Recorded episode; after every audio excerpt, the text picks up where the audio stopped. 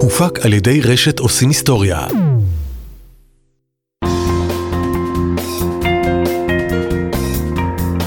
לעומק הרפואה, שירות לציבור של חברת סאנופי. המהות של האף זה πάντα ῥεῖ, זה כל הזמן לזרום. כל הזמן צריכה להיות תנועה מתמדת, כמו שהפילוסוף הרקליטוס אמר, πάντα ῥεῖ, הכל צריך לזרום. ברגע שיש לך משהו באף, שזה נקרא עימדון או stasis, ברגע שמשהו באף תקוע, עליו מיד מצטברים חיידקים והופך להיות משהו שהוא פתולוגי, שהוא לא תקין. הזרימה באף חייבת להיות מתמדת. והפעם פרק על פוליפים באף.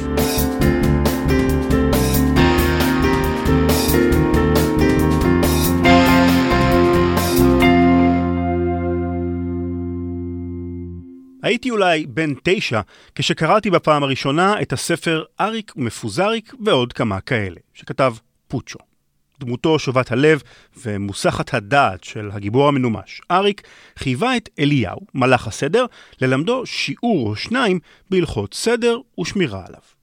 לכל דבר יש מקום, זה ברור, ולכן, על מנת להדגיש את העניין, החליט המלאך אליהו לעשות רמונט קטן ולהחליף את אפו של אריק בבוהן רגלו. בקצה כף הרגל נח לו האף, ובמרכז הפנים, בוהן. היה לי קשה שלא לצחוק, אז לפני יותר משלושה עשורים, וגם היום הזיכרון של פרצוף מלא נמשים, ובמרכזו בוהן בעלת ציפורן, מעלה על פניי חיוך מלווה בצחקוק. אני חושב שהנקודה עוברת באופן בהיר. במרכז הפנים, למען הסדר הטוב ולמען חיים טובים, חייב שיהיה אף תקין ומתפקד. ואודה שכשנושא הפרק של היום נחת על שולחני, לא הייתה זו דמותו של אריק מפוזריק הראשונה שעלתה למול עיניי. קראתי על חיידקים ועל נתיבים, על אוויר שזורם באין מפרע, על ריסנים מיקרוסקופיים, כל הדברים שאנחנו המבוגרים מתייחסים אליהם כשאנחנו מדברים על נושאים כמו רפואה ומדע.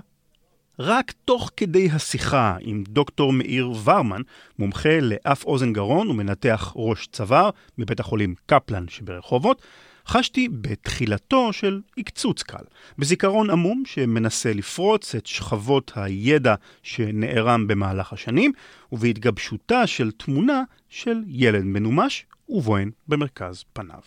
שכן כשהאוויר אינו זורם בנחיריים וממלא את הריאות, משהו באיכות חיינו משתבש.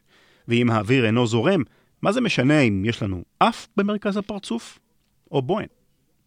בפרק הפעם נבין עד כמה חשובה זרימת אוויר תקינה ומיטיבה בנחיריים. נשמע על דברים שעשויים להשתבש כשהמנגנון נדפק, ואיך זה שדבר אחד קטנטן יכול לשבש את המערכת כולה. בואו נתחיל עם שאלה קלה לחימום. מה זה אף? זו שאלה נהדרת. לאף יש uh, מספר תפקודים. אנחנו לא מדברים על, על המרכיב האסתטי, החיצוני, הוויזואלי, שיש לו משמעות בפני עצמה. עוד מהאלים הקדמונים אנחנו יודעים שהאף היפה נחשב לאף של אפולו, אבל זה באמת עניין של, uh, של גישה והסתכלות. אנחנו מדברים על החלק הפנימי של האף, שהוא גם נרחב ויש בו הרבה מרכיבים, מרכיב של נשימה, מרכיב של סינון האוויר שנשאף, חלק הגנה של מערכת החיסון, ומרכיב של חוש ריח. אז כל הדברים האלה הם נכנסים לתפקוד של האף. אף בריא זה אף שיש לו נשימה שהיא איטית, עם תנגודת מסוימת, שזה בסדר שבן אדם מרגיש תנגודת שהוא נושם אוויר, לא צריך שהתנגודת הזאת תהיה גדולה מדי. והנשימה הזאת אמורה לעבור בצורה מסוימת של אוויר חם ולח אל דרכי נשימה תחתונות. החשיבות הזאת היא מאוד מאוד קריטית במצבים מסוימים של חורף, שיש אוויר קר בחוץ, שאנחנו צריכים לחמם אותו לפני שהוא יורד אל הריאות. נתון נוסף שהוא מאוד חשוב, ובאופן תקין פיזיולוגי, זה ה nitric oxide. זהו גז שנמצא באופן תקין במערכת האף והסינוסים שלנו, שהגוף מייצר, מייצר באופן תקין ונורמלי, ויש לו אפקט מדהים. מצד אחד, הוא קיים בריכוזים מאוד מאוד גבוהים בתוך הסינוסים שלנו, ושומר על הגוף שלנו מפני חיידקים. זה נקרא אפקט בקטריוצידי.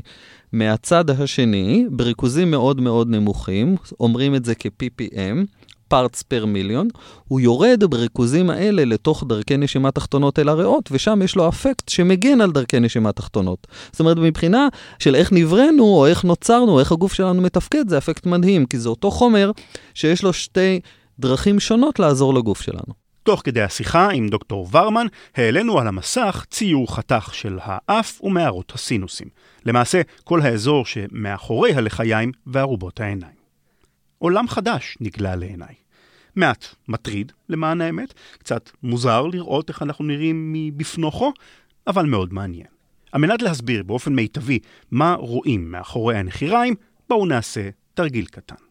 אבקש מכם להושיט מול פניכם את ידכם הימנית, כשגבה מופנה אליכם.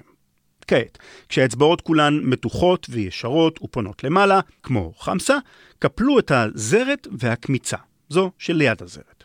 ודאו שהאגודל, האצבע המורה והאמה פרוסות כרגע לפניכם, כאילו אתם מבקשים ממישהו שלושה דברים. יופי, בואו נתקדם. כעת סובבו את כף ידכם על צירה לכיוון שמאל. עכשיו אתם בטח תוהים למה אני מתכוון, ובכן סובבו אותה כך שהאגודל, האצבע המורה והאמה יצביעו שמאלה, ולא כלפי מעלה. כאילו יצרתם עוגת חתונה שכזו במרחב. האגודל בתחתית, האצבע המורה באמצע, והאמה בקומה העליונה. מה שאתם רואים כעת היא סכמה של האף והאזור שמאחורי עצמות הלחיים וארובות העיניים, כפי שרואה אותה דוקטור ורמן. האף הוא גב כף היד, וכל אצבע, מבחינתו, היא קונכייה. חלק מסתכלים על האף כעל נחיר, והם לא מבינים שאתה, ברגע שאתה מכניס את האנדוסקופ או את המצלמה שלך לתוך האף, נגלה לך עולם. יש לו עולם בעצם של שלוש קומות. בקומה הראשונה גרה הקונכייה הראשונה במרכאות, הקונכייה התחתונה. בקומה השנייה גרה הקונכייה האמצעית. בקומה השלישית גרה הקונכייה העליונה. הקונכייה התחתונה שהיא גרה בקומה הראשונה, היא בעיקר אחראית על הנשימה שלנו. אם היא מתנפחת, יהיה לנו קושי נשימתי, וזאת הקונכייה התחתונה. בקומה השלישית, הקונכייה העליונה בעיקר אחראית על חוש הריח. אז אם אנחנו יכולים להסתכל על זה כמו קומה ראשונה, אמצעית אה, ושלישית, אפשר להבין שבעצם זה בניין רב קומות האף שלנו. כשאנחנו נושמים, כ-50% מהאוויר עובר על רצפת האף, בין מחיצת האף ובין הקונכייה התחתונה, שזה האגודל במודל התלת-ממדי שלנו, כ-20 עד 30 אחוזים מהאוויר עובר בין הקונכייה התחתונה לקונכייה האמצעית, האצבע המורה במודל, ו-20 האחוזים הנותרים עוברים בין הקונכייה האמצע... נו, בין, בין האצבע המורה לאמה. שם הריחות הנישאים באוויר מפוענחים. ההסתמנות הראשונה של פוליפים באף, איך זה מסתמן אצל הבן אדם, איך זה מתייצג, מה הוא מרגיש, זה ירידה בחוש הריח, חסימה אפית ולעיתים נזלת. שלושת הסימנים האלה הם לעיתים מאוד מוזנחים במרכאות אצל הבן אדם, כי הוא אומר, אני חסום דרך האף, אוקיי, אני קצת מצונן. והצינון הזה במרכאות ממשיך אה, שבוע, שבועיים ולעיתים חודש ולעיתים שנה. לעיתים קרובות אני רואה אנשים שבאים אליי כי הם מצוננים במרכאות שלוש שנים. לא כך. אם אתה מצונן יותר מזמן מסוים סביר, שנקרא לו חודשיים-שלושה, אל תקרא לזה הצטננות, זה לא התקררות הצטננות רגילה, תפנה לרופא, שיבדוק אותך, יראה שאין איזה משהו שהוא יותר משמעותי. וכנ"ל לגבי הנזלת שאומרים, טוב, אני קצת מצונן, יש לי קצת נזלת, מעבירים את זה, כמו שאומרים. וחוש הריח, לעתים אנשים מגיעים עם בעיות אף רק שלמשל האוזן נסתמת להם, או שיש להם פתאום כאבים, או שיש להם משהו אחר, זאת אומרת, אותם סימנים של פוליפים יכולים להיות, אנחנו קוראים להם ממוסכים. הבן אדם לא ישים לב אליה, ויבוא לרופא רק כשמשהו אחר מציק לו. בגלל זה, chronic rhinosinusitis, אותה בעיה כרונית של פוליפים, כי זה לא רק פוליפים, זה נקרא סינוזיטיס כרונית עם פוליפים, לפי הגדרות העולמיות. אותה בעיה היא לעיתים ממוסכת, אתה לא שם לב אליה, הבן אדם נוטה להדחיק את הסימנים האלה ולא לשים לב אליהם. קצת מוזר שאנשים לא שמים לב למה שמונח להם ממש מתחת לאף, לא כך? אולי הם כן היו שמים לב אם פתאום הייתה צומחת שם בוהן. הרבה פעמים בשיחה עם המטופל, אני יכול לשאול אותו הרבה שאלות. להבין את התסמינים שלו, להבין מה מפריע לו. לשם כך המציאו שאלון, שאלון בעל 22 שאלות, שהוא שאלון של איכות חיים, לאו דווקא לגבי סינוזיטיס כרונית. השאלון נקרא Sinonasal Outcome Test, שיש לו 22 שאלות. Sino-Nasal Outcome Test, או בקיצור, SNOT. או ליתר דיוק, SNOT 22. היי, אה, אני מבקש, לא לצחקק שם, זה עניין רפואי רציני.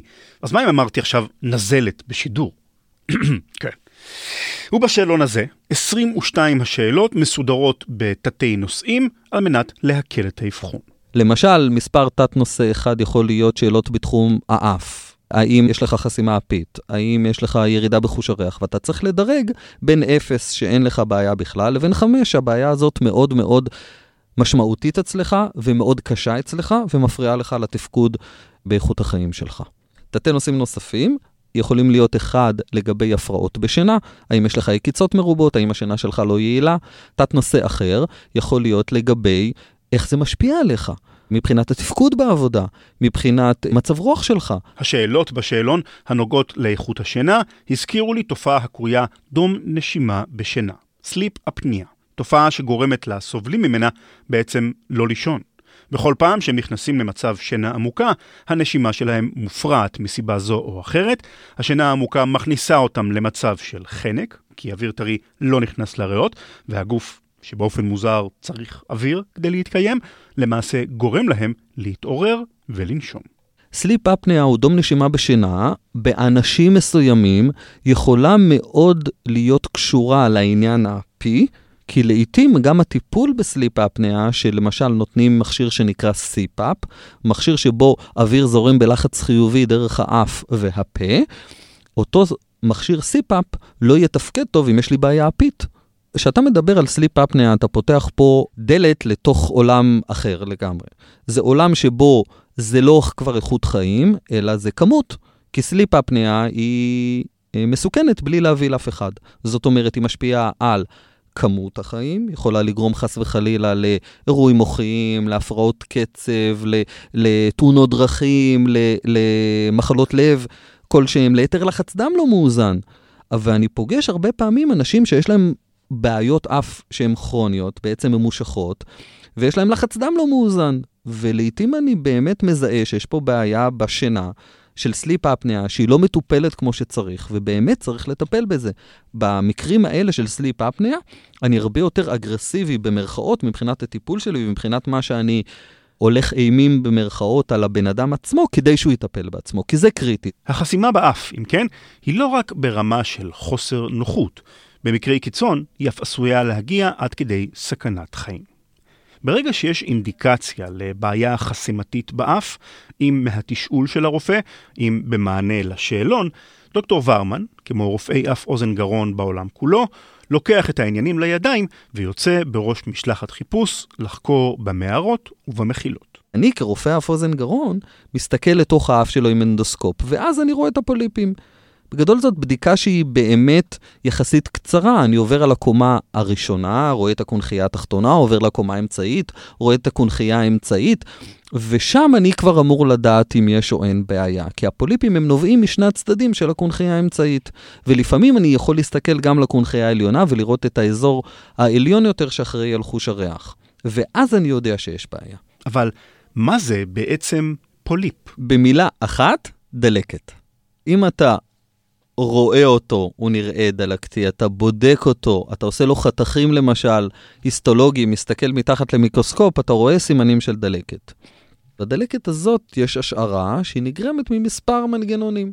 מנגנון ראשון, למשל, יכול להיות שיש בעיה אנטומית, מבנית, שגורמת לזה שריריות נוגעות בריריות. אם יש לי מגע, זה לא טוב. מנגנון שני שיכול להיות, זה בעיה באותו מוקוסילרי קלירנס. אותה פינוי רירי ריסני, יש לו בעיה, יכולה להיות בעיה מולדת או נרכשת, שגורמת לאחר מכן ליצירה של דלקת. סיבות נוספות ואחרות, למשל, סופר אנטיגנים של חיידקים מסוימים. לדוגמה, חיידק שנקרא סטפילוקוק ארוס, או הסטפילוקוק הזהוב, יש לו אנטיגנים, יש לו מבנים עליו, על המבנה שלו עצמו, שגורמים לתגובה של הגוף כלפיו. התגובה הזאת יכולה ליצור לי דלקת ממושכת באף ובסינוסים, שלעיתים יכולה להיות מאוד קשה, וליצור תגובה דלקתית כרונית. מנגנון שכיח אחר הוא מנגנון אלרגי. יש הרבה אנשים עם פוליפים שיש להם רקע אלרגי. לא כל בן אדם אלרגי יהיה לו פוליפים, אבל הרבה מהאנשים שיש להם פוליפים, אתה מוצא אלרגיה ברקע שלהם. אני מתכוון כמובן על אלרגיה באף. בדרך כלל כשבן אדם מרגיש סימפטומים ורופא אף אוזן גרון בודק לו את האף, הסימנים יהיו משני הצדדים. פוליפים יש להם גם מראה מסוים. יש להם גם מראה שהוא שקוף, אה, שהוא בולט, שהוא עם בצקת, הכוונה בצקת שיש נוזל בתוך הפוליפ. אה, יש לו מראה מסוים. ובדרך כלל גם בן אדם יגיד אה, תסמינים מסוימים, יתלונן על תלונות מסוימות. נזלת ממושכת, שזה חסימה, אפית, ירידה בחוש הריח וגודש. הרבה אנשים, ולעיתים אני חייב לומר גם רופאים, לא יודעים לפענח את התלונה של הגודש. אז למדתי עם הזמן שגודש זה תלונה בעצם של נפיחות פנימית, תחושה של נפיחות פנימית, כאילו אתה רוצה לקנח איזה משהו ושום דבר לא יוצא. זה ההסבר לגודש הפה.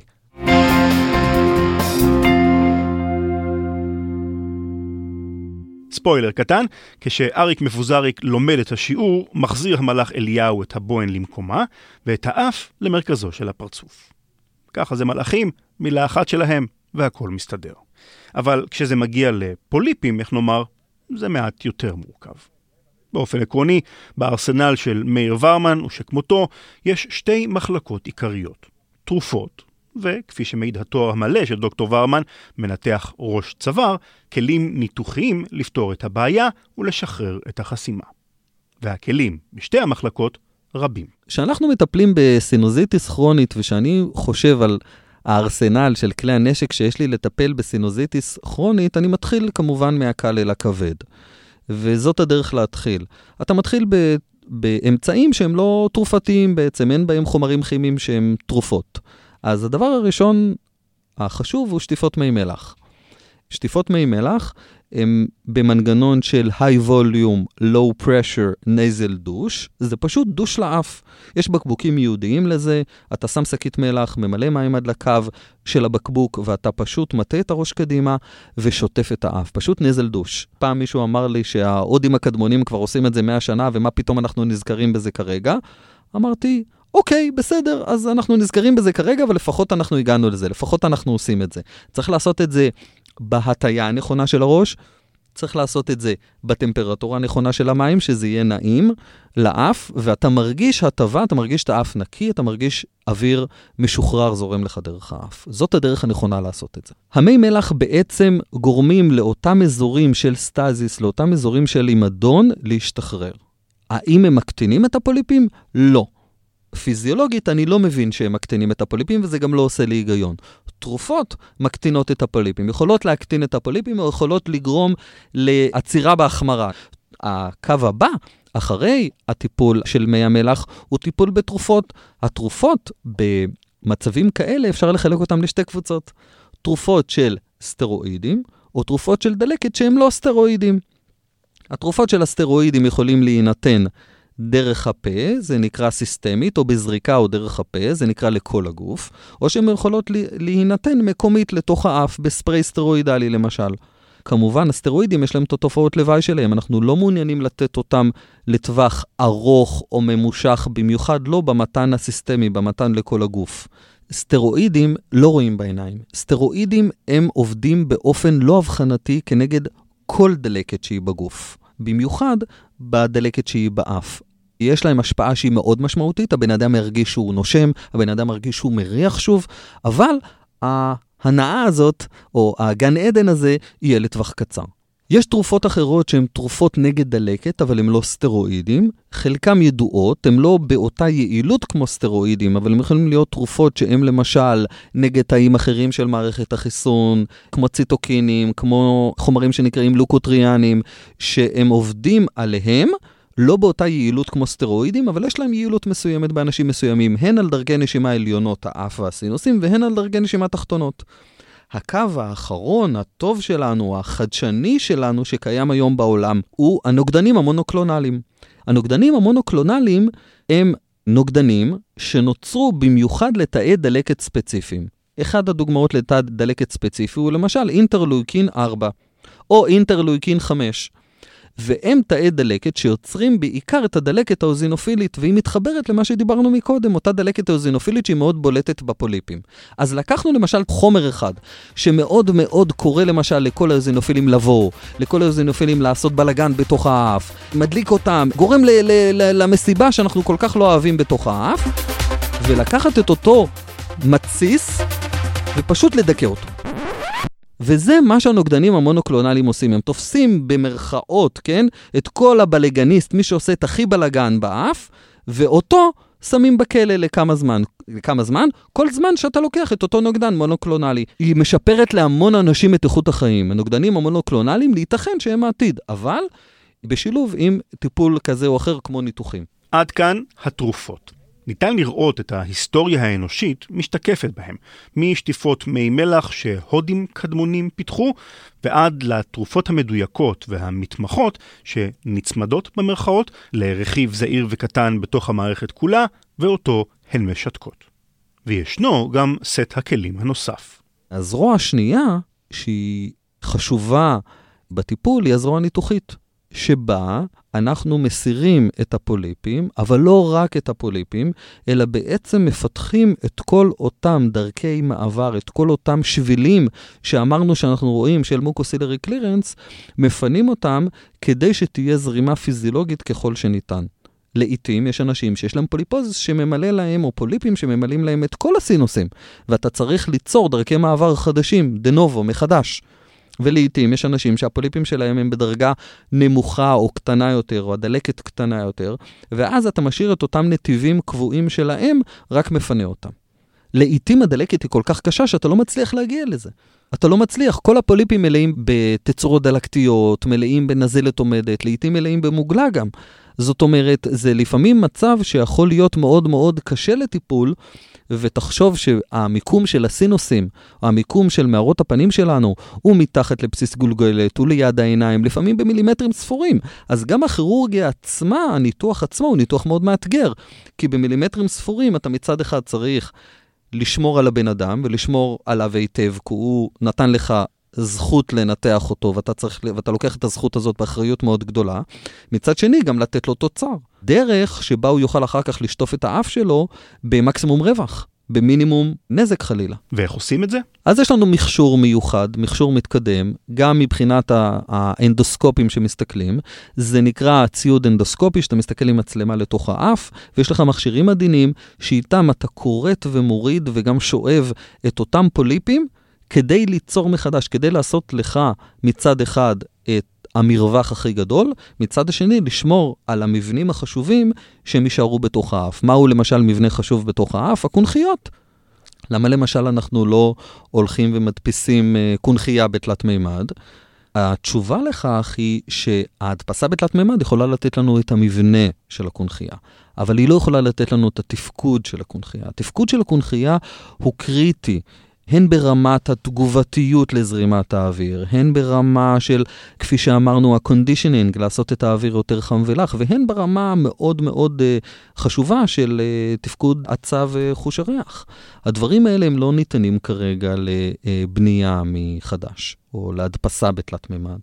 או בצורה חיצונית כלשהי. הם לא, פשוט לא ניתנים ליישום. אז אחרי שהבנו מה זה פוליפ ואיך מטפלים בו, דוקטור ורמן ביקש לחדד משהו.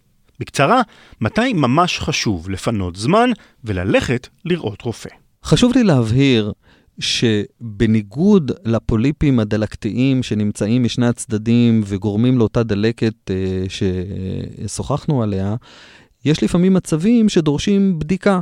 של רופא אף אוזן גרון, אם יש לי כאב שהוא חד צדדי, חסימה שהם בצד אחד, מלווים בדימום, או הרגשה של אי נוחות, או מעורבות של מבנים סמוכים, זה דורש פנייה לאף אוזן גרון. שוב, לא בלחץ, לא, לא בהיסטריה, אבל בהחלט לפנות לאף אוזן גרון שיבדוק, והיום הבדיקה היא זמינה ופשוטה, ובכלל לא אמורה לכאוב, מסתכלים עם סיב אופטי לתוך האף, ומיד רואים האם אנחנו מדברים פה על פוליפים שהם דלקתיים, או על משהו אחר שהוא בכלל לא פוליפ או שדורש ברור כזה או אחר.